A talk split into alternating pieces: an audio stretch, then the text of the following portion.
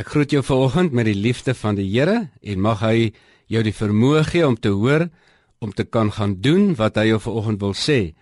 Ek begin hierdie week se sessie met die vrug van die Gees en daarom gaan ek kyk in Galate 5 vers 16 wat staan maar ek sê wandel deur die Gees dan sal jy nooit die begeerlikhede van die vlees volbring nie. Hierdie is dus die basis van ons geestelike lewe. En as jy nie gered is nie, kan jy die Heilige Gees nie besit nie, want die Heilige Gees word slegs in weergebore kinders van God se harte uitgestort. Om deur die Gees te wandel is dus 'n bewuslike verhouding met die Here om daagliks hom te soek in sy woord. Jy kan nie die werking of leiding van die Heilige Gees buite die Bybel beleef nie. Die Heilige Gees werk deur die woord van God. Nou omdat die Heilige Gees deel van die drie-eenheid is, is hy ook God en daarom besit hy al die volkomendheid want God is liefde en omdat hy liefde is en die Heilige Gees in jou woon daarom besit jy ook liefde wat hy in jou bewerk.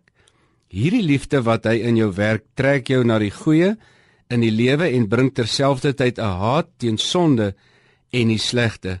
Daarom kan die teks sê om deur die Gees te wandel sal dit jou vrywaar teen die volbringing van vleeslike begeerlikhede Paulus skryf daar in Romeine 7 vers 19-20: "Want die goeie wat ek wil, doen ek nie, maar die kwaad wat ek nie wil nie, dit doen ek.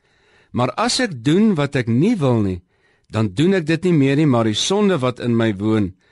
Daar is 'n permanente stryd." En dan sê in hoofstuk 7 vers 24-25: "Ek ellendige mens, wie sal my verlos van die liggaam van hierdie dood? Ek dank God deur Jesus Christus, ons Here." As ons dus ons stryd beskou, dan is die verskil voor en na jou bekering dat waaroor sonde jou beheer het, jy voortdurend in sonde geleef het, jy nou beheer oor die sonde het. Jy doen wel hier en daar sonde, maar niemand is sonder sonde nie, maar hy is nie meer jou baas nie. Daarom kan Paulus reg in Galate 2 vers 20 sê: Ek leef nie meer nie, maar Christus leef in my omdat hy dan deur sy gees in jou woon, daarom sal jy in staat wees om 'n oorwinningslewe te kan leef.